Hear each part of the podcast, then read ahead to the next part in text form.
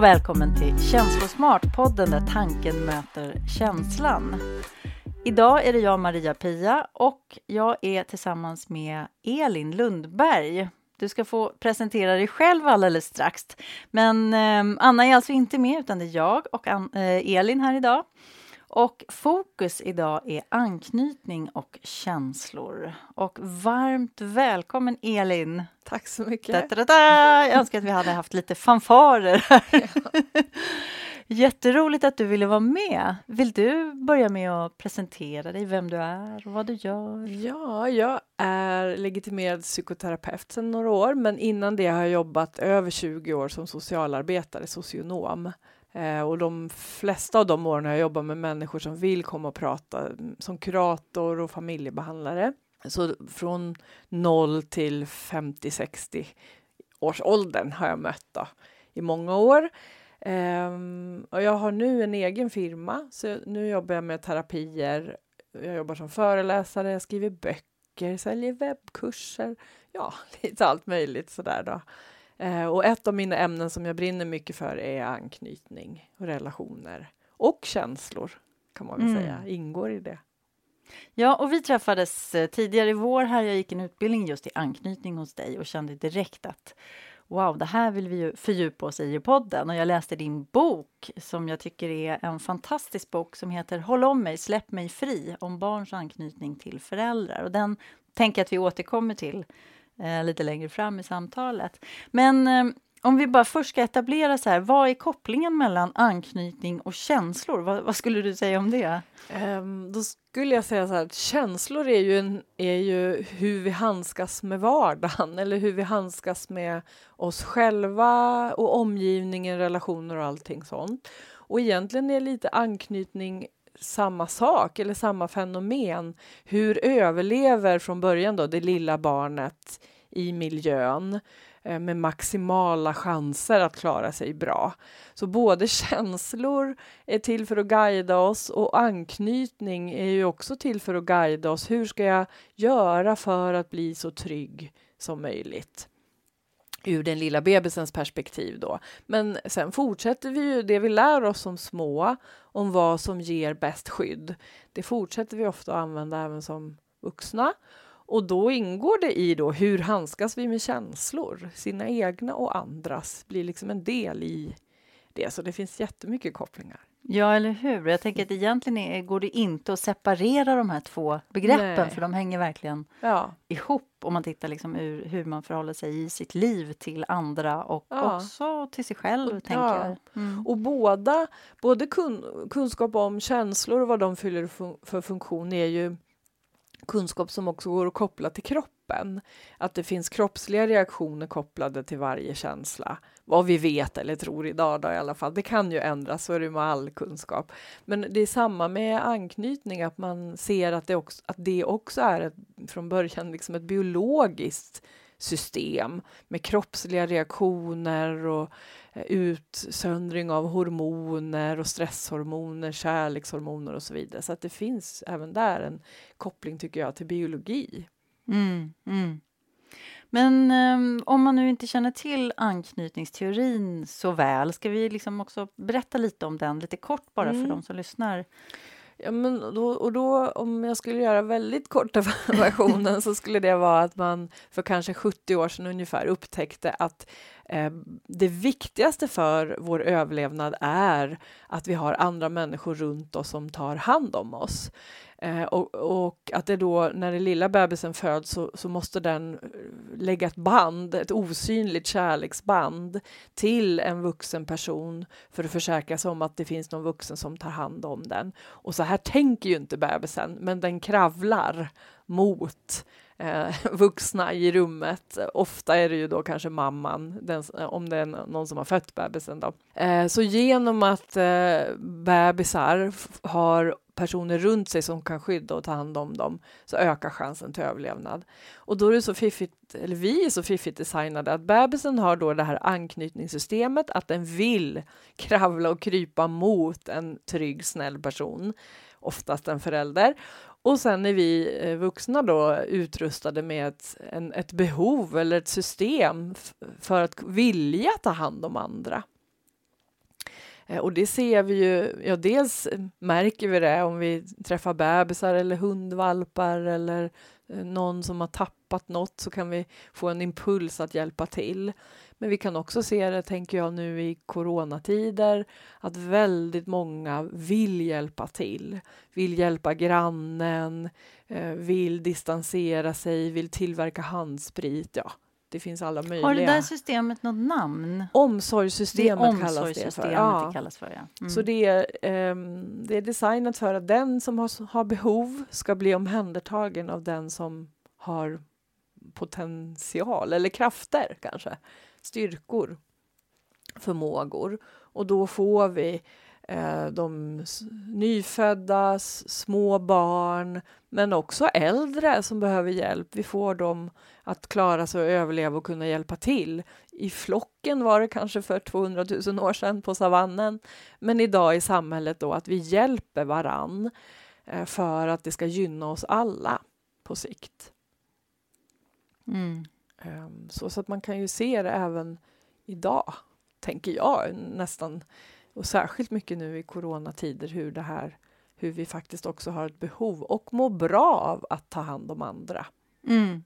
Och att vi, jag tänker att vi har ibland glömmer bort i vår liksom, eh, moderna värld mm. att vi är väldigt biologiska varelser. Ja. Att det är någonting, men just när man, när man tittar på oss ur, ur det här liksom evolutionära perspektivet och hur, vilka funktioner mm. våra reaktioner och våra mm. beteendemönster mm. har. Alltså det är väldigt, väldigt spännande. Och vi skulle kanske må bättre av att koppla liksom oss själva lite mer som biologiska varelser för att förstå. Ja, men, ja, för att förstå. För jag tänker då för dina eller era lyssnare som är intresserade av känslor så kan man nästan tänka att det här är två också eh, det räknas ju inte som känslor, anknytningspåslaget, men det är ju en känslomässig upplevelse när man längtar efter sin anknytningsperson. Mm. Och det gör ju den lilla bebisen som gråter och skriker när föräldern lämnar rummet eller en ettåring, tvååring eller en sjuåring som inte vill vara ensam i en ny miljö. Den kommer ju liksom larma och låta eh, för att få den här kontakten igen. Men vi får ju också ett påslag av massa olika känslor när vi antingen vill av ömsinthet ta hand om någon eller om vi blir rädda för att tappa bort vårt barn eller så, så är det ju jättekopplat till mycket koppling till mm. känslor. Mm. Känslorna vägleder oss. Hjälp till, skydda ditt barn, det här är farligt och så vidare. Så mm. att om vi inte hade känslorna så skulle ju inte anknytningssystemet heller riktigt funka, tänker jag mig. För att det bygger ju på att känslorna vägleder vilka behov finns mm. hos, hos det lilla barnet, egentligen hos tonåringen, ho, nu då hos um, de som sitter ensamma isolerade. Att vi kan liksom föreställa oss hur de känner sig och då kan vi också gissa kring vad är det de behöver. Ja, kanske social kontakt eller att någon går och handlar eller vad det kan vara. Mm. Så att eh, känslor är ju väg visare och liksom framkallar antingen i det här fallet då anknytningsbeteenden, att, att kravla, skrika, vilja vara nära kroppen och för oss som vuxna då att lyfta upp barnet, gå närmare, kanske skydda det, få någon annan att backa och så vidare. Mm. Så det finns en jättetät koppling. Mm. Men jag tänker det här då, det var ungefär 70 år sedan som, som man började. Eh, ja, på 40-talet. Ja. ja. Då hade man en annan syn på eh, barn ja. än vad vi har idag. Ja. eh, kan du inte bara kort berätta lite om den här teorin, grundbultarna i den och hur den har liksom vad ja, vi har lärt oss. Som tidigare då i början på 1900-talet så eh, tänkte man sig mera, det kallas för skafferiteori, man tänkte mer att barn hade mera um, konkreta behov och det har de ju också för all del, att man byter blöjorna, att man får mat, att man kanske får välling eller vätska, eh, att man är torrt klädd och så vidare. Och då eh, så förstod man inte riktigt att det här kärleksbandet nästan är mer viktigt. Och en, eh, en, ja, för det här är ju en teori, men en teori är då att på savannen när vi levde där, vilket vi har gjort under större delen av vår historia. Det är ganska kort tid, kanske 40 000 år som vi har varit ute och rört på oss i världen. Eh, men där var det så att de faror som finns på savannen, lejon, att, ja, skorpioner, att det blir plötsligt väldigt varmt eller kallt, gör att ett barn som tappar bort sin eh, anknytningsperson eller förälder, den är död inom en timme. Eh, så det, då, då, spelar det ingen roll om man har en ren blöja, det hade de väl inte då, men om man, har, om man har eh, liksom torr i rumpan eh, eller har ätit, för att när lejonet kommer så har det ingen betydelse. Så att um, det Bowlby då, John Bowlby, eh, han var den som formulerade den här teorin på 40-talet, det han observerade var att barnen verkar sätta kärleksrelationen före mat, vätska, torr blöja. De blir helt förtvivlade när de blir inlagda på sjukhus utan föräldrar eller under andra världskriget när vi skickade barn till främlingar för att de skulle besparas bomber och död. Men barnen, ja, de fick maten, de mm. fick värmen, kanske någon kram, inte vet jag. Men de blev ändå helt förtvivlade av att säras eh, från sina föräldrar. Och då tänker man att det är det här anknytning, anknytningssystemet som liksom larmar att har jag inte min förälder i närheten, ja då är jag död inom en timme. Mm. Och vi känner ju samma sak, motsvarande panik. De flesta föräldrar, jag själv också, tappar ju någon gång kanske bort våra barn. Jag tappar bort eh, äldsta sonen på Liseberg och den panikkänslan som jag och min man får i kroppen kroppen, alltså rädslan oh, som bara väller över en.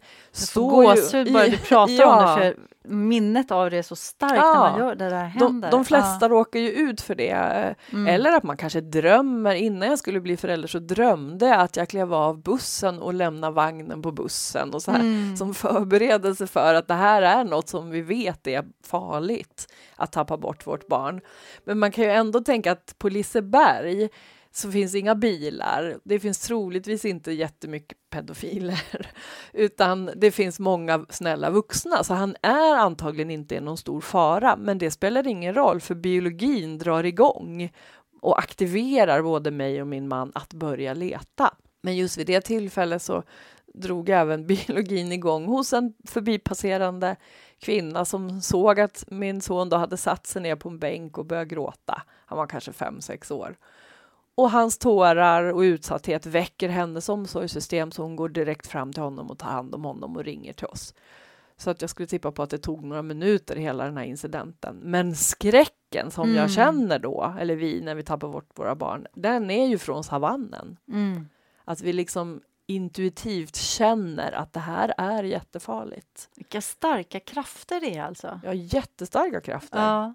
Och det här är någonting som är, man, man kan ju nästan bli, känna sig lite löjlig efteråt ja. efter en sån här grej. Eller, alltså att det är också någonting som man skrattar lite åt. Ja. Och, och, och, är man själv inte där eller har upplevt det så kan det vara svårt att förstå hur starka ja. krafter det är. Kanske om man själv inte har barn eller inte har tappat bort sitt ja. barn än.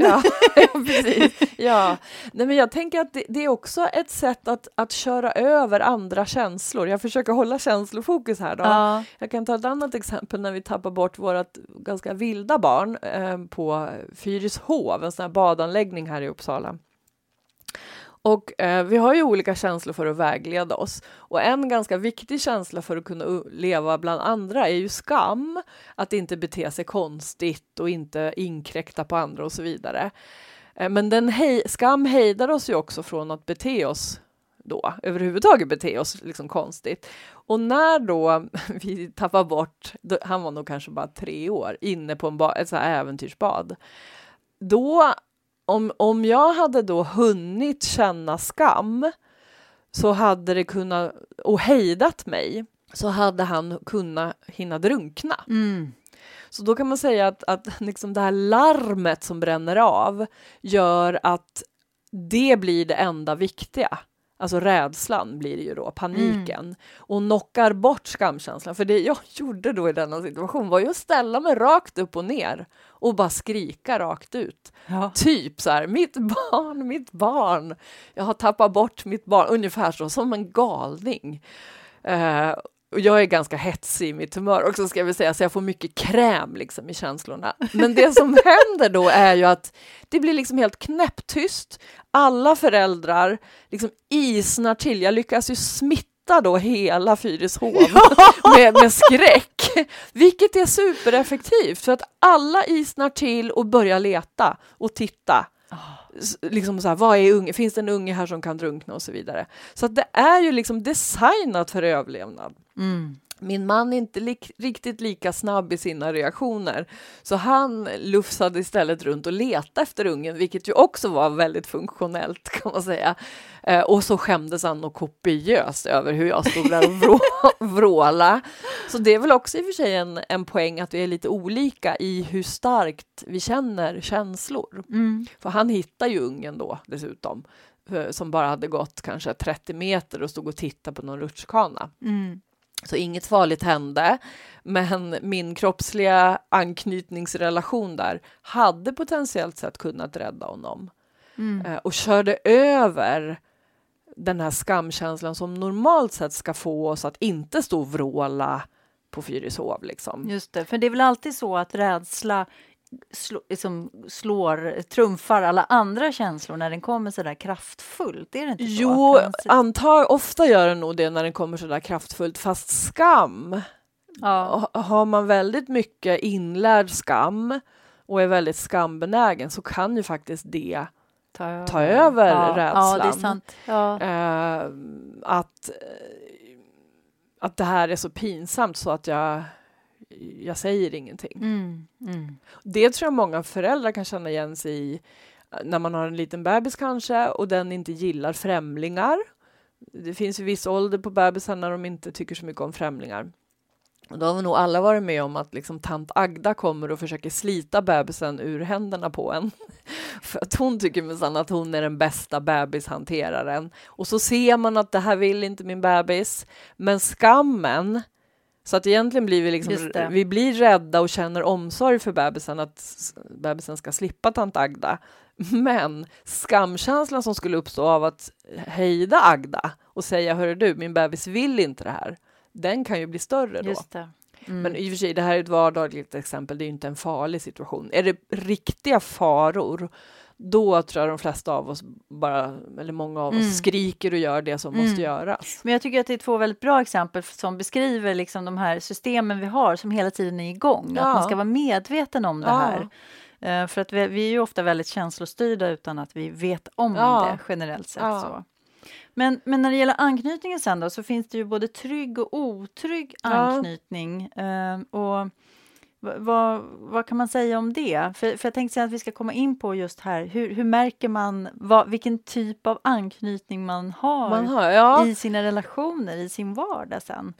man kan väl säga så här att nu har vi varit inne och nosat på de här liksom ursprunget och förklaringen till varför vi har de här anknytningsbeteendena och omsorgsbeteenden. Det är ju överlevnaden då. Eh, Men sen så, och allt handlar om att barnet ska få så mycket skydd som möjligt och att barnet ska kunna anpassa sig efter det, den miljö som barnet föds in i. Och om barnet då föds in i en till exempel väldigt farlig situation där det kanske finns en våldsverkare eller väldigt aggressiva vuxna till exempel, så är det livsavgörande att den lilla bebisen kan anpassa sitt beteende efter hur de vuxna beter sig. Och det har man sett att små bebisar redan på fy, vid fyra månaders ålder så har de börjat förstå vad ger mig maximalt skydd i just den här familjen. Så ett bebisbeteende kan funka jättebra i en familj och samma bebisbeteende irriterar i en annan familj. Då Men kan det också vara inom en familj? Ja, om man, har, ja. alltså om man tänker att man har två föräldrar? Ja. Ja. så kan det vara så att den ena föräldern blir inte arg när bebisen är arg. Mm. Men en annan förälder blir irriterad till exempel. Mm. Eller en förälder, ja och det kan ju vara åt alla håll och kanter eller vad man ska säga, Mm. att man ehm, att någon förälder om barnet blir ledsen så blir föräldern också ledsen och börjar gråta till exempel, att bli smittad och kan inte hålla sig lugn. Eller barnet börjar gråta, vilket ju händer ganska ofta med små barn, Eh, och då vissa föräldrar som blir irriterade, men sluta gråta och säger såna klämkäcka saker som det där var inte så farligt, det där gör inte ont, skärp dig och så vidare. Och sen så mellanvarianten är väl då kanske att man känner med barnet och förstår att barnet är ledsen, men ändå lyckas hålla sig själv så pass lugn att man ändå kan ta hand om barnet. Då.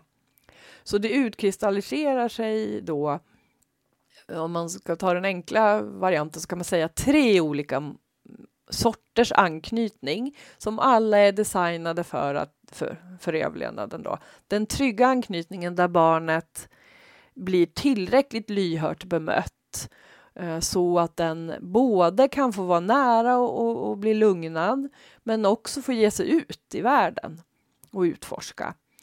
Och sen finns den undvikande anknytningen där barnet ganska snabbt lär sig att föräldern gillar inte känslor.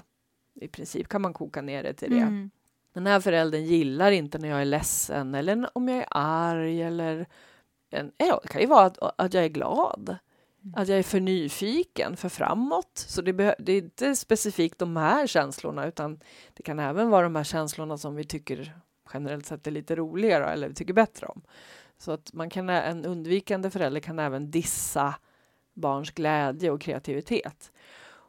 Så, och det är väl kanske ungefär 25 procent i västvärlden som har en sån stil. Och kanske 50-60 procent får den här trygga stilen. Och sen mellan 10 och 15 procent får motsatsen då till det undvikande, nämligen att man blir känslostyrd istället. Så att om barnet är ledsen så kanske föräldern också blir ledsen och, och, och tappar tankeförmågan. Eller att, att föräldern redan innan barnet kommer är helt upptagen av sina egna känslor och inte får igång omsorgssystemet. Så att barnet måste vara väldigt krävande för att omsorgssystemet ska vakna. Så det är de tre. Och då är det ändå, det märks ju, det blir klängigt, kräver mycket. Ja, liksom, påflugen. På, ja. Och, för då, och inte släpper och går ut och nej, utforskar. Och... för att de barnen, om man tänker att det undvikande barnen måste försöka dölja sina anknytningsbehov och inte visa att jag vill vara nära dig för att ändå få vara nära. Medan det klängiga, ängsliga barnet vet på något sätt då att om jag ligger på så kommer jag få en kram. Mm. Så om jag bara får min förälders omsorgssystem att vakna till så finns det något mysigt där att hämta. Så mm. då ligger de på och är mera krävande och vill heller kanske inte lämna föräldern för att utforska. För att när de sen ska komma tillbaka vet de ju inte vilket humör föräldern är på. Nej. Så det blir säkrast att, att klänga sig fast. Mm mest hela tiden. Så de får ju då mindre av utforskande att ge sig ut i världen. Mm. Eh, Medan de andra utvecklar då blir väldigt självständiga ja, eller kan ja, bli för att ja. liksom visa att jag Just klarar det. mig på egen hand Precis. och får på så vis kanske ja, bekräftelse att du är duktig. Eller, ja. Just det. Och, och, den undvikande stilen kan man ju tänka sig stämmer lite med vår kultur. Ja. Också att vi ser det som bra att vara stark och bra att kunna bita ihop om känslor. Ja, men vi har väldigt sådär. stark, alltså jag brukar ibland skoja och säga att, att, när man hänger med, nu är det länge sedan jag hade småbarn, men nu är jag ju mormor också, men, eh, men det här när jag fick min son, han är 20 snart, då upplevde jag att det var lite så här när man träffades i mammagruppen eller föräldragruppen och, och bland kompisar så där, att det var lite SM i barn. Mm. Man pratade om hur, hur stora de hade blivit, ja. hur duktiga de var, hur självständiga ja. de var och att det var lite så här tävling. Vem, ja. hur, vem, vem har en unge som klarar sig så bra som möjligt utan sin förälder? Mm. Den vinner. Mm. Och precis det där fenomenet kan man ju blir ju tydligt då när det gäller till exempel inskolning på förskolan mm. eller skola. Att det är väldigt lätt att tänka att eh, de barn som inte gråter när föräldern går eller att de barn som är helt upptagna av bilar och dockor är de trygga barnen. För, att vid en mm okulär besiktning eller när vi ja. tittar utifrån så ser det ju väldigt, det väldigt tekniskt Ja, men det, det, det, ser ju väldigt liksom, åh vad, vad bra det där är. Och då kan det ju bero på att det, kan, att det stämmer det vi ser, nämligen att de är, är igång i utforskande. Att det på riktigt är väldigt roligt och spännande och oj vilka bilar det fanns här då. Så, så det kan absolut stämma, det inre känslan i barn och det vi ser och att de bara vinkar hej då för att föräldern är rätt ointressant i det läget. för utforskandet är igång. Men det man kan se är att det kan också vara så att de här barnen som ser ut som om de utforskar egentligen är lika stressade på insidan och har lika mycket stresshormoner. Det här har man mätt med att topsa och kanske, nej, kan man ta nog inte blodprov, men topsa mm. så man kan se hur mycket stress har de i kroppen. Och då ser man att en del av de här kavata barnen egentligen är lika stressade som de som gråter. Men de har lärt sig att dölja det. Mm. Och de har ju då också lärt sig på något sätt att det finns ingen som kommer trösta mig. Utan jag måste klara mig själv. Mm. Och då blir man ju självständig fast det är ju egentligen bara en yttre självständighet. Mm. För de barn som gråter, där man kan säga att det är ju ändå, finns ju en funktion i det att väcka förskolepersonalens omsorg. Så att personalen kommer fram och frågar oj då Pelle, är du ledsen, ska jag hjälpa dig? Så att de kanske då en kvart senare är lugna Mm. För de har fått det de behöver. Lugna hela vägen ja, igenom, he, hela, vägen systemet. Igenom, ja. ja. Så, att, så att man kan inte, och det avråder jag ju verkligen från överhuvudtaget, att gå runt och iaktta andras barn och stämpla dem som otrygga eller Det ängsliga. som är så kul. ja, jag vet, det är jättekul. Men det är, väldigt, det, är väldigt, det, det är mer avancerat än vad det kan låta ja, när jag men... presenterar det så här. Mm. Men, men det är inte säkert att, att det vi ser utanpå stämmer med den inre känslan. Nej. Och framför allt när det gäller då barn som är, blir duktiga på att dölja vad de känner. Och då tänker jag så här att, att jag tänker spontant på det här uttrycket it takes a village to raise a child. Ja. Själv, om jag då är, är själv har svårt för känslor och, och mitt barn utvecklar, utvecklar den här undvikande, då kommer jag ju inte att se för då kommer jag vara så nöjd med att mitt ja. barn håller sig lugn där och, och ja. går iväg utan problem. Så då behöver jag ju andra omkring mig som ja. ser och lägger märke till tecken då på att eh, barnet kanske ändå är stressad eller mår dåligt på något vis.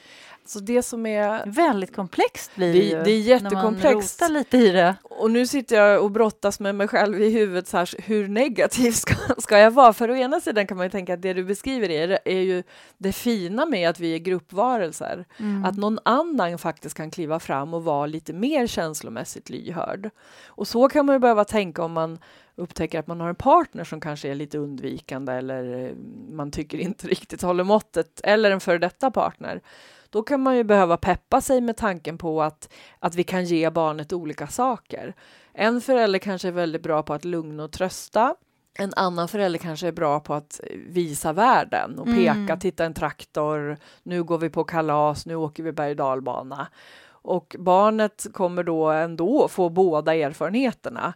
Även om det blir lite hårt behandlat kanske av berg och och lite klemat kanske hos den som bara vill prata om känslor så kanske det ändå blir good enough. Eh, så det är, eh, det är den ja, positiva tolkningen. Det är den positiva och plus att man också har sett att barn har förmåga att som man tror nu då, kanske knyta an till fem personer och då får du fem vuxna personers klokskap. Mm. Och det är mm. klart att vi då kompenserar Just för det. varandras svårigheter. Men en sorglig sida också av att barn är så skickliga på att lära sig vad som behövs i en specifik miljö, det är att man har sett när man tar barn som har det svårt från sin familj och, och, ska lämna över dem till ett familjehem, eller en fosterfamilj som man sa förut, då man, man vet generellt sett att familjehem ofta har en trygg anknytning, så de föräldrarna har ofta väldigt goda möjligheter att vara lagom lyhörda eller tillräckligt bra. Ingen orkar vara jättebra. Det är liksom, behöver man inte ha som ambition, men tillräckligt bra tillräckligt ofta. Eh, då har man sett att de här barnen är så liksom förberedda på hur det ska gå till. Så att när familjehemmet kommer med sin kärlek och omsorg så tar det bara, om det är en eller två dagar, för det här lilla barnet att liksom lära, lära av familjehemmet med de här kärleksbeteendena. För Nej, att, men hur då? Att... Jo, men för att om barn, om lilla, vi säger att det är en liten pojke som placeras i en ny mm. familj och den pojken har lärt sig att ingen bryr sig om mig när jag ramlar. Ingen kommer trösta mig, ingen mm. kommer ta hand om mig, jag är helt ensam. Och så kommer barnet till familj, nya familjen och eh, ramlar, för det gör treåringar då och då. Kanske blöder lite, då kommer de här trygga föräldrarna antagligen rusa dit Mm. För deras omsorgssystem går igång. Kan rusa fram någon förbipasserande också. Vi designade så. Men det där är ju inte det här barnet van vid. Det vet inte hur man tar emot kärlek. Så att barnet kommer liksom nobba de här ja, kärleksinviterna. Ja, ja. Och kanske titta bort, eh, inte svara, vända sig om, bita ihop, göra allt det här som barnet har lärt sig. Och eftersom de här föräldrarna då är ganska lyhörda så uppfattar de ju då att jaha, du vill inte bli kramad. Ja, ja, ja. ja då kanske man nöjer sig med plåstret då. Mm. Och, och, på några dagar så, så vi, verkar det som att barnen då har liksom lärt om föräldrarna att jaha, Pelle De har liksom vill... skrämt iväg dem ja, lite, eller vad man ska säga. Ja, ja då, då kan ja. man säga att föräldrar, familjehemsföräldrarnas lyhördhet biter dem i baken på ja. ett sätt. För att de, det blir då som att de, det finns en risk att de anpassar sig då till vad de tror att ja men Pelle vill inte bli kramad. Just det. Men det, känner man ju igen. Alltså jag ja. känner igen mig i det här för jag, jag har aldrig varit den som vill tränga mig på Nej, barn. Precis. Så det, det, det, känns liksom, det ja. krockar med, ja. med hela mitt system. Och, eh, och där blir det ju då det är precis det som familjehemsföräldrarna hamnar i. Ja. Att, att de blir ju lyhörda utifrån vad barnet signalerar. Så på kort sikt, just i den stunden kanske de gör rätt. Men de behöver ju ändå om och om igen erbjuda sig. Mm. Och vet de, känner de inte till anknytning lite grann. Och det börjar tack och lov komma mer kunskap i Sverige och finns mer kunskap. Men om de inte vet att de nästa gång Pelle ramlar i alla fall ska fråga om de får krama. Mm. För efter två månader kanske han vill kramas. Mm. Så. Eh, så, så kommer de liksom inte luras, för det här är ju inget Pelle vet om. Men de kommer att hamna i att de upprepar hans mönster. Just det. det finns en risk för det. Mm. Men för annars är det väl så att, att det här systemet går liksom att, att jobba vidare med livet igenom. Ja. Att man kan tillägna sig, man kan ja. lära sig att, att bli mer trygg i ja. sina anknytningsmönster.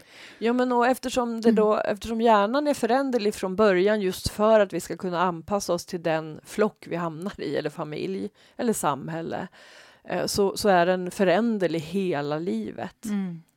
Så att Även om man då får en trygg anknytning och man brukar säga att den mesta delen av de här mönstren bildas fram tills barnet kanske är tre år. Men positiva erfarenheter efter det ändrar hjärnan och, och, och mönstren och negativa erfarenheter gör också det.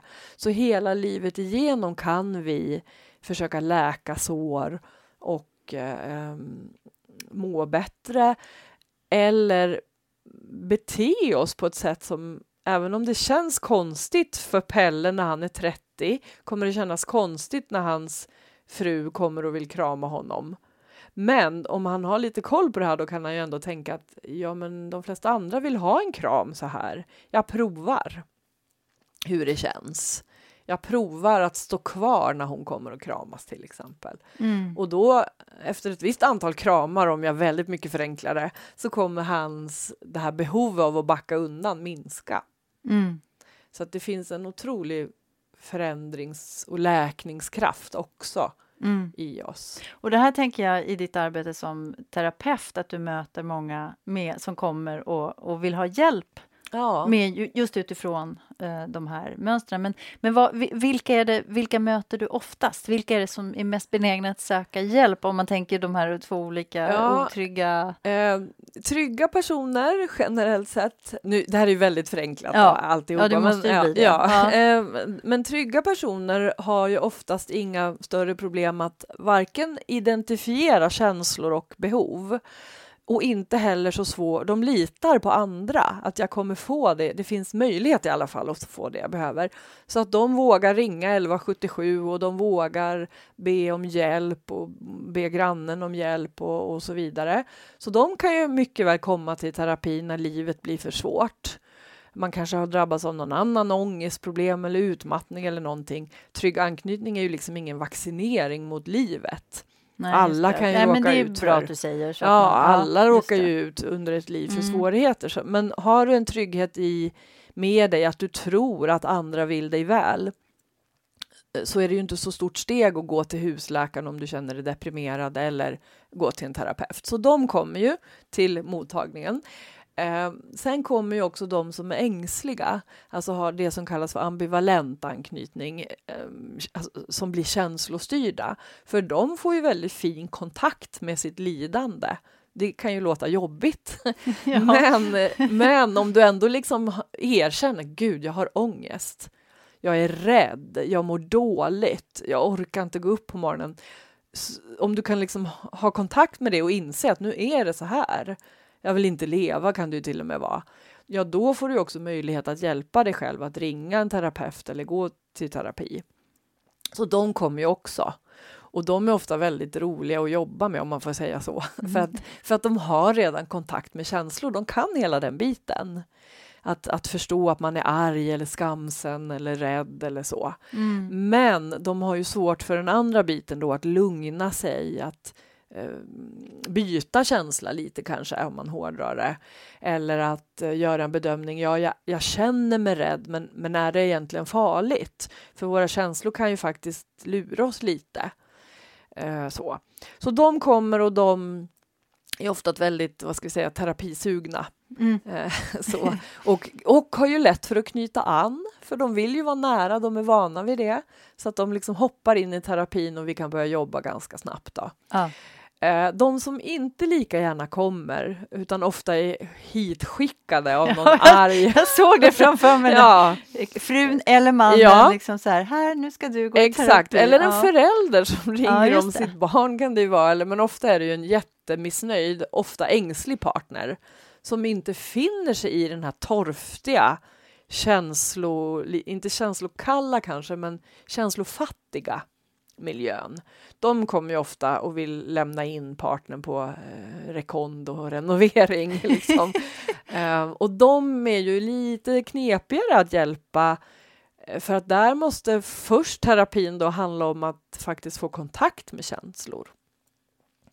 Och då är det ju ganska vanligt att man faktiskt mår sämre av terapin kort Just sikt. när man börjar känna. Ja, och, mm. Så det mm. brukar jag faktiskt säga till mina nya klienter då att det är inte konstigt alls om terapin under en period gör att du får mer ångest, blir mer orolig, kanske mer ledsen och hela Är det, det vanligt att man bryter terapin då? Ja, alltså generellt sett så bryts, nu kan jag inte siffrorna, men i värsta fall kan det vara så att till och med typ hälften av alla terapier, eller i alla fall 75 procent av alla terapier avbryts av klienten. Så mm. det är van, det är jätte, jättevanligt.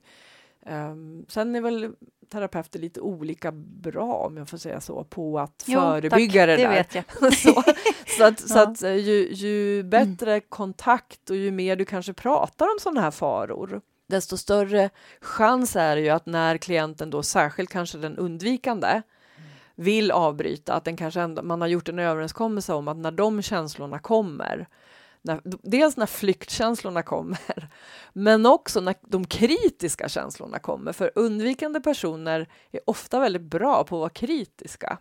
För det är ju ett himla fiffigt sätt att hålla, hålla borta strategi. folk. Ja. ja.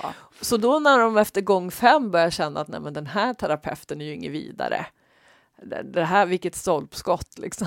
Det här kommer aldrig leda till något. Jag känner mig ju mer deprimerad. Vad är det här för knäppt? Och så avbok, vill de ju avboka då bara och smita. Ja. Men har man då pratat om det, att det här är ganska troligt att det kommer hända. Och det ingår i terapin att du då ändå masar dig hit och säger till mig då, Elin, jag tyckte inte det var något bra förra gången. Eller jag känner mig inte bekväm. Eller jag mår mycket sämre nu. Mm. Eh, så.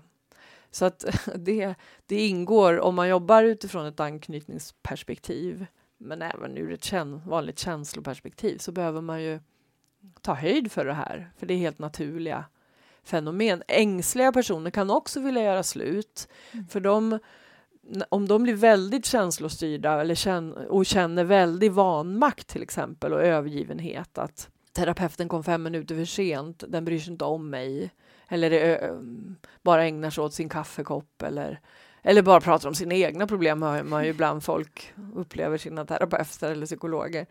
Eh, då kan de också vilja lämna för att de tappar hoppet. Mm. Så att allt det här måste finnas med i terapiprocessen. Att, Mm. att det här kan... Men vad är det då man, man kan göra nu? Alltså, om, om man misstänker då att ja, men jag kan se ett mönster här, att, att jag är den, den klängiga, den som har Mm. svårt att vara självständig och, och liksom ja, så. Eller om jag är den som tycker att min partner är liksom klängig och Mm. jag, jag behöver mitt space och man behöver inte vara så mycket ihop. Eller så, här. ja. Eh, så man kanske kan anta att jaha, mm, det kanske är, har någonting med anknytningen att göra. Man Mm. kanske kan se att så här har det varit i tidigare relationer eller så. Vad, vad, kan, vad kan jag göra? Vad, Ja, ehm, det komplicerade svaret, eller, och som har mest forskningsstöd, det är att det finns två sätt att läka de här mönstren. Och det ena sättet är att hitta en trygg partner. För att då kommer du med tiden, inte första veckan, utan kanske efter två år någonting, bli mer och mer trygg för att din partner är helt bekväm med sitt omsorgssystem och liksom visar vägen. Så att de eh, av oss som har turen att ha en trygg partner hemma kan ju egentligen bara försöka följa partners väg, eller vägvisning. Um, och man kanske inte ska gå hem och dumpa någon för att man tror att de är otrygga. Liksom. Men, men det, är, det är ändå ett sätt att bli mer trygg, att försöka omge sig med människor som är ja, öppna för känslor men ändå kan lösa problem. Och det andra är att gå i terapi. Och det kan man få via eh, vårdcentralen. Men då måste man ofta ha någon, också någon diagnos, depression eller ångest eller liknande. Om det, om det bara inom citationstecken är att man eh, liksom har det jobbigt i sin relation, där och så, då kan det vara svårare att få hjälp av samhället, men då kan man söka privat om man har ekonomisk möjlighet. Då. Men sen finns, sen har jag hela tiden sedan jag började intressera mig för det här haft någon slags förhoppning om att man borde ju kunna hjälpa sig själv genom att kanske läsa böcker eller ja, förkovra sig. Men jag har inte riktigt vetat om det funkar, eller vad man ska säga. Jag har haft en förhoppning om att att, ja, som du säger, om man förstår vad det är man håller på med så borde det ju vara lättare att välja ett annat beteende. Eh, men det, det finns inte alls lika stark evidens för att det skulle vara hjälpsamt. Men det finns lite ny forskning som visar att, att det som kallas för psykoedukation, det vill säga att en, en terapeut eller en lärare också för all del lär ut någonting. Det verkar också kunna ge vissa resultat, men de är inte lika de håller inte lika bra över tid. Men det är ju ändå en, en god anledning att prova. Mm. Det finns jättemycket bra böcker, ja, min kanske, Ja, som är väldigt verkligen. lättläst, men sen finns det Mm. andra mera komplicerade böcker, det finns självhjälpsböcker. Jag tänker att man kombinerar det här med en, en psykoedukation där man lär sig om eh, så att man förstår vad, vad det handlar om i kombination med liksom en, en liksom bra, typ någon slags mental träning där man får en guidning och, och lägger ihop det, tänker jag Ja. skulle vara idealiskt. Ja, om man tänker mental träning, det, det, då får man nog ändå tänka att man gör att det är den kognitiva delen man jobbar med då, alltså tankedelen. Eh, det man ser egentligen behövs är känslodelen. För att Ja. om du ska läka, särskilt om du har om du har mycket svårigheter med dig eller många sår eller trauma med dig. Då, de som har det brukar man säga, de får, de får både ängsliga skydd och undvikande skydd. Och det är en ganska sårbar, liksom fjärde grupp kan man säga, Mm. som verkligen har behövt de här skydden för att anpassa sig efter sina föräldrar. Men det blir jättejobbigt kanske sen som vuxen att liksom kidnappas av de här eh, inlärda eh, mönstren. Men de, nu tappar jag tråden, nu vart, det, vart jag så Ja, vi började prata om mental träning Ja, ihop med psy- jo, men ju- du tack. tog Ja, jättebra. känslo- Tack. De som då har mera sår med sig, det, det de egentligen behöver få av, tänker jag då, partnern, kanske nära vänner också, där man verkligen där man liksom älskar varann, fast Mm. kanske icke-sexuellt. Då, om, om, ja, man kan väl ligga med sina vänner också kanske, men, men det behöver finnas någon verklig liksom, kontakt, kärleks... Ja, kontakt. Så det är sån känslomässig upplevelse man behöver då av att bli älskad, sedd, lyhört bemött. Och därför ehm, behöver man också det man kanske mer får i terapi. Eh, man, man kanske inte får kärlek av terapeuten, men man, man får ett känslomässigt Mm. hållande där, man, där, där det egentligen inte räcker kanske med att prata och peppa. Nej. Utan man måste verkligen in och känna sin sårbarhet, känna utsattheten, känna att partnern eller terapeuten är med en i det här jättesvåra. Mm. Och har man sådana svårigheter så tycker jag nog ändå att, man inte, att det inte är coach eh, och liksom kanske kuratorsnivå på det jobbet utan mera någon, ja, någon med legitimation egentligen. Ja. För att det kan ju riva upp väldigt svåra sår och kanske finns övergrepp eller misshandel och sånt i bakgrunden. Mm. Så där kan man också skilja mellan det som är sjukvård eller vad man ska säga, trauman och psykisk ohälsa och lidande. Eller det som kanske mera är att jag är nyfiken, jag vill lära mig mer, lite jäklar anamma, jag ska stå emot de här gamla mönstren. Jag, jag kan också få bli kramad. Eller om man är ängslig, kanske mer på en vardaglig nivå. Liksom. Om man är väldigt ängslig och dejtar så kanske man bombar någon med sms så att man då med hjälp av en coach eller någon kompis bara nej, jag får bara skicka två sms. Ja. Jag måste hejda den här klängigheten och så. Så det beror ju på nivån av, ja. av svårigheter. Ja, såklart. Mm. Uh, tänker jag. Ja. Men apropå din bok då som jag tycker är som jag sa, håll om mig, släpp mig fri om barns anknytning till föräldrar. Och sen så har du skrivit liksom, gäller barn 0 till 99 år. Ja. Det tycker jag är så roligt och så sant. För att jag, jag, jag skulle vilja sätta den här i händerna på alla nyblivna föräldrar. Eller alla som kan läsa överhuvudtaget. Ja. För att du har ju verkligen lyckats koka ner de här komplexa systemen och, och, mänskliga villkoren till någonting som är väldigt begripligt. Ja, alltså väldigt lätt att förstå och hänga med. Nu har jag ju läst och, och, jag har ju samarbetat med en psykolog där vi tillsammans föreläste om bland annat anknytning och sådär. Så jag var kanske lite förhands, mm. men jag är helt övertygad om att vet man ingenting om det här och så läser man din bok så mm. vet man väldigt, väldigt mycket mer och, och, kan förstå dels hur, hur jag ska bete mig med mina barn för att mm. göra det så bra som möjligt för dem.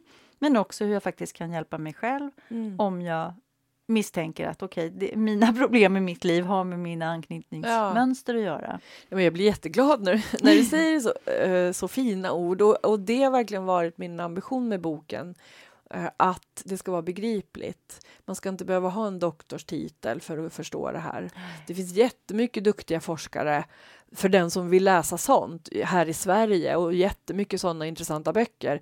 Men den här boken hoppas jag nå den som inte vill gå en eh, universitetskurs utan den som kanske har en liten bebis, som har en jobbig tonåring, som har en jobbig partner och så vidare. Som har ett jobbigt jag. Ja, precis. Eller som har jobbigt med sig själv. Ja, verkligen. Ja. Att, ja. att känslorna åker berg dalbana eller att man inte har kontakt med känslorna och känner sig tom. Mm. Liksom ja, nedstämd, låg och så vidare. Uh, så det var min ambition uh, med boken, att, att kunna ge den här psykoedukationen så att några kanske kan hjälpa sig själv. För, för förändring också, jag är ju i, i botten KBT-are faktiskt. Det kanske, anknytningsteorin kommer egentligen från den andra skolan, psykodynamisk terapi eller skolbildning. Men i KBT så tänker vi mycket hur kan jag hjälpa mig själv genom att ändra mitt beteende? Och då kan det vara små saker varje dag, både med sin bebis, att le, men också med sin partner. Eller som du säger, till sig själv, att vara snäll med mm. sig själv. Att trösta sig själv, acceptera känslor. För, för väldigt, väldigt många, både ängsliga personer, trygga personer och undvikande personer är väldigt snabba med att försöka få bort känslor och särskilt jobbiga känslor. Och då missar vi ju om det finns ett viktigt budskap i känslan. Eh, men vi missar också då att, att ge den här omsorgen till oss själva. Att faktiskt säga det är okej okay att du är rädd. Eller jag är rädd. Det är inte konstigt att du är rädd. Det är inte konstigt att du fick ångest eller att det liksom darrar till i hela kroppen eller vad det kan vara. Så att vi behöver ju ge den här omsorgen också till oss själva. Och gör vi det, om vi kan hålla oss själva krama oss själva. Jag brukar säga gulla. Mm. gulla, klappa. Och jag, jag har ju hund som hjälper mig lite i terapin. Och då, man kan tänka att man lugn, hur lang, lugnar man en hund? Jo, men man drar inte en avhandling, utan man klappar. Och det är samma med en bebis. Och det behöver vi också göra med oss själva. Och ofta, inte alltid, men ofta räcker det. Mm. Då lugnar sig känslorna. De har fått fram sitt budskap att det här är en svår situation till exempel. Mm. Och lyssnar jag på det, kan stanna i det en stund, så kommer ofta känslan klinga av. Ja, och det där, nu på senare år har det kommit jättemycket spännande forskning kring just självmedkänsla som mm. ju är ett annat ord för det du beskriver. Mm. Och, och, och det, det, var väl lite det jag var inne på när jag menar att mental träning är ett bra verktyg mm. till det här där man kan eh, för det första så kanske man är så stressad upp i varv så att man behöver hjälp att lära sig komma ner i stressnivå för att ens komma på tanken att inte ja. agera ut på den känsla man har, om det är rädsla eller mm. skam mm. eller ja, men vad det nu är mm. som dyker upp som är jobbigt. Uh, och, och sen att lägga till det här acceptansen och mm. att klappa om ja. sig själv och göra det liksom. Jag har jobbat mycket med det, liksom att, att visualisera hur jag tar hand om mig, hur mitt vuxna jag tar hand om ja. mig själv och möter mig själv i yngre mm. versioner. Och det är så kraftfullt. Ja. Och när man väl har lärt sig tekniken och träna, ja. alltså det är det man behöver träna det. in det för att det ska sitta i skarpt läge. Precis. Det är jättelätt att göra det liksom en, en söndag morgon när ja. man vaknar och druckit lite kaffe och mår jättebra liksom och solen skiner. Men när det slår till, när, mm. när man blir översköljd, liksom nästan drunknar i sina känslor, mm. då behöver man ju verkligen ha tränat väldigt mycket för att det, att det ska för bli det ska lite funka. mer automatiserat. För det går, och det tycker jag är så hoppfullt alltså. Ja men och där, nu kommer jag på det här med 0 till 99, det var ju därför jag skrev det. Eh, att det här gäller, det här har vi med oss hela livet. Mm. Och om jag får koka ner det du beskriver nu så skulle man ju nästan kunna säga att, att det obehagliga, det jobbiga, lidandet, det är då vårt anknytningssystem vaknar. Mm. och liksom talar om för oss, gör något, det finns en fara här. Och, och designen är ju typ ett lejon, som om det är ett lejon någonstans. Och sen så har vi omsorgssystemet och när vi är små så lånar vi det av någon annan. Men som vuxna behöver vi ha byggt det så att det finns i oss. Precis här som du beskriver så att vi kan lugna, kanske med olika tekniker, med andning, men också med tankar. Det, det är okej, okay, det är inte farligt och så vidare. Eh, lugna och ta hand om oss och sen kunna också göra det som krävs. Mm. Eh, kanske leva ändå sitt liv låta det fortsätta eller, eller acceptera att nu börjar mitt liv vara över. Så. Mm. Och då måste man ju ha, ha, ha förmåga att stanna upp. Och det är det omsorgs...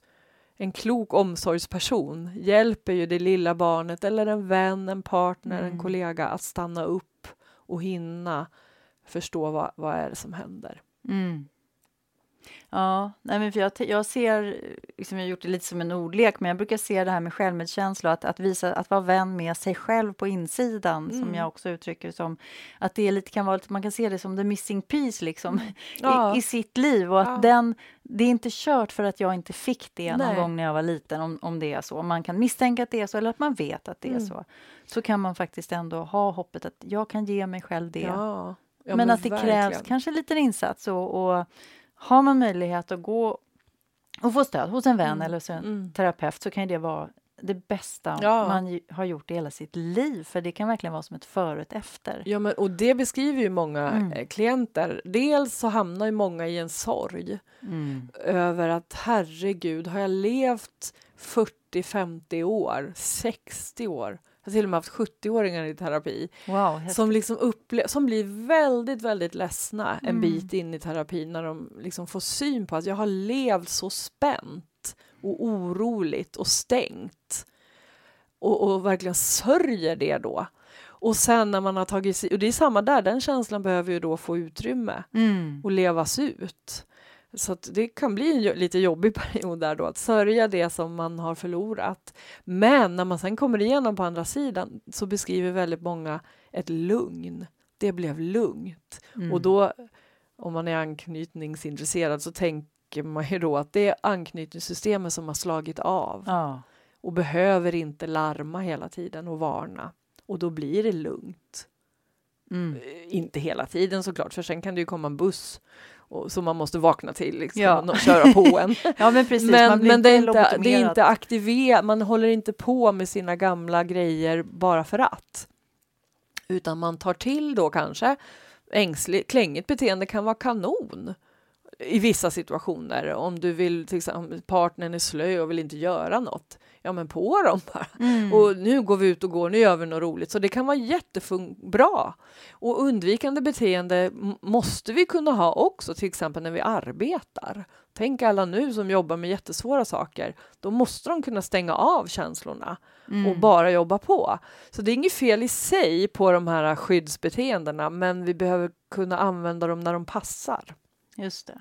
Och, och om anknytningssystemet mera är av så, kan, eh, så, så blir det ju mera lugnt när det finns anledning att vara lugn och sen kan vi aktiveras när det behövs, när, när det kommer en fara eller någon, liksom en verklig fara. Mm. Inte att ens partner vill ha en kram. Det är liksom ing, oftast ingen fara. Nej, nej, just det. Fast det inre larmet kan säga, oh, nu, det här var obehagligt. Mm. Eh, Så. Ja, jag tänker nu, vi måste ju runda av. Åh! Som alltid så vill jag bara fortsätta, fortsätta. Men, men om du på, på fyra minuter Ja! skulle ge något så här, eh, om- man har barn då tänker jag, Mm. eh, vad, vad är det jag ska, vad är det primärt jag ska tänka på i föräldrarollen för att skapa så goda förutsättningar som möjligt? Ja, det enda beteendet som man inte kan ta bort om man vill eh, ge barnet en trygg anknytning, det är lyhördhet. Eh, och då betyder inte det att man liksom måste lyckas vara lyhörd hela tiden. Det, är, det finns forskning som visar att småbarnsföräldrar som är trygga ändå missar över hälften av vad barnet vill. Så, så att det är ju liksom ambitionen att vara lyhörd. Sen kommer vi inte vara det hela tiden. Vi blir trötta och arga också. Men ambitionen att vara lyhörd, att försöka förstå vad vill barnet, hur förstår barnet den här situationen och så vidare. Det är grunden.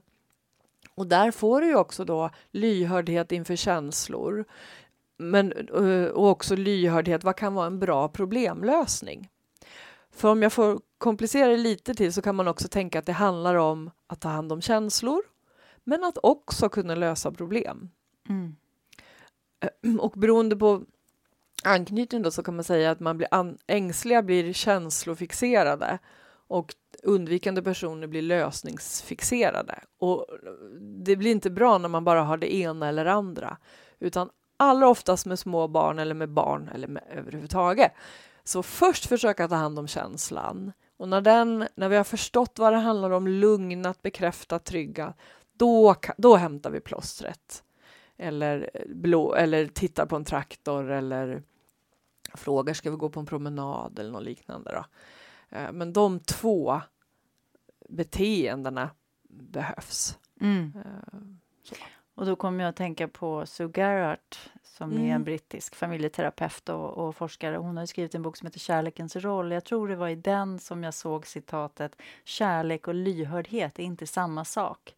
Och det tog jag till Mm. mig verkligen för att det är all, alla föräldrar älskar sina Ja, barn, tokälskar ja. sina barn. Men vi kan ändå utifrån våra egna då, anknytningsmönster och annat vi har tillägnat oss i livet ha missa en massa viktiga Ja. saker. Och just lyhördheten är ju ofta en utmaning och särskilt kanske i, i vår tid när vi är så lätt distraherade. Mm. Mm. Ja, men och lyhördhet, alltså en, jag vet av erfarenhet att när jag pratar om det här så kan en del bli väldigt oroliga. Någon kanske lyssnar på det här och blir väldigt orolig och börjar fundera och herregud, jag har gjort massa fel och så vidare. Men, men lyhördhet kan också vara då att förstå att oj, nu blev det helt fel. Mm. Jag har skrämt mitt barn. Mitt barn är nu rädd för mig, vilket inte är bra. Eh, och oj, vad måste jag göra då? Då är vi inne på problemlösning. Mm. Jag måste, nu måste jag bita ihop. Liksom. Jag är fortfarande skitarg över att du pajar min padda. Men jag ser att du är rädd för mig.